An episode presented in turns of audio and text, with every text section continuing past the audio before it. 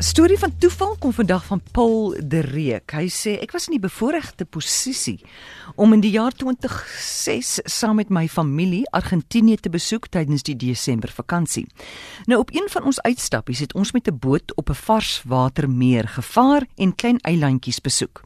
Tydens hierdie uitstapie het 'n jong Argentynse seun met die naam Ignatius gereeld met my kom gesels, omdat volgens hom hy sy Engels wou opskerp en beoefen en min die geleentheid kry om die taal te kan praat.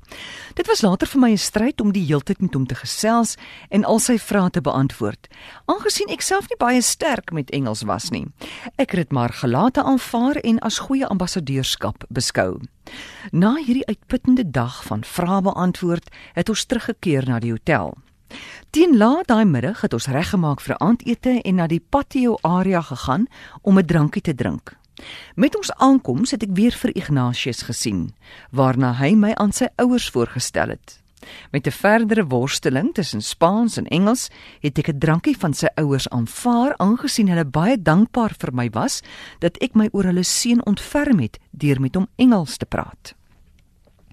Tydens die gesprek praat ons toe wyd en suid oor ons herkoms en wie wat doen en gedoen het. Nou soos die meeste Suid-Afrikaners sou doen, praat ons toe ook oor ons land. Frederico, dis nou sy pa, vertel toe op sy beurt dat hy in sy jong dae in die Argentynse vloot diens gedoen het. Ek reageer toe daarop dat ek 'n buurman in Suid-Afrika het wat ook ongeveer in daai tyd in die vloot diens gedoen het.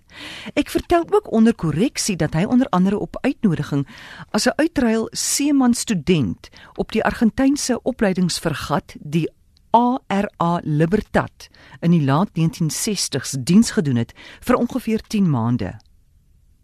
Skielik was Frederico bleek en baie verbaas en vra my toe wie hierdie buurman van my is.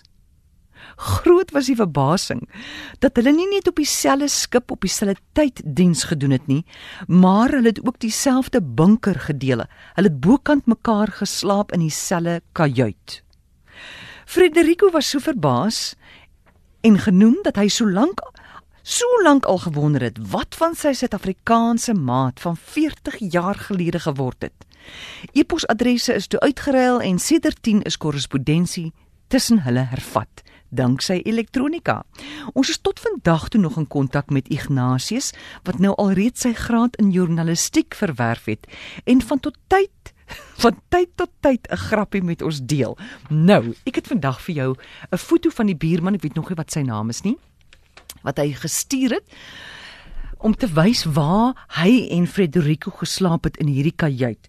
Nou daai Argentynse fregat, die Libertad, het in 2010 'n draai kom maak in Kaapstad en toe die skip nou in die hawe lê, toe hulle nou saam met die buurman soontoe en toe wys die buurman nou die kajuit wat hy en Frederico gedeel het. Ja, hulle beddens so bo mekaar.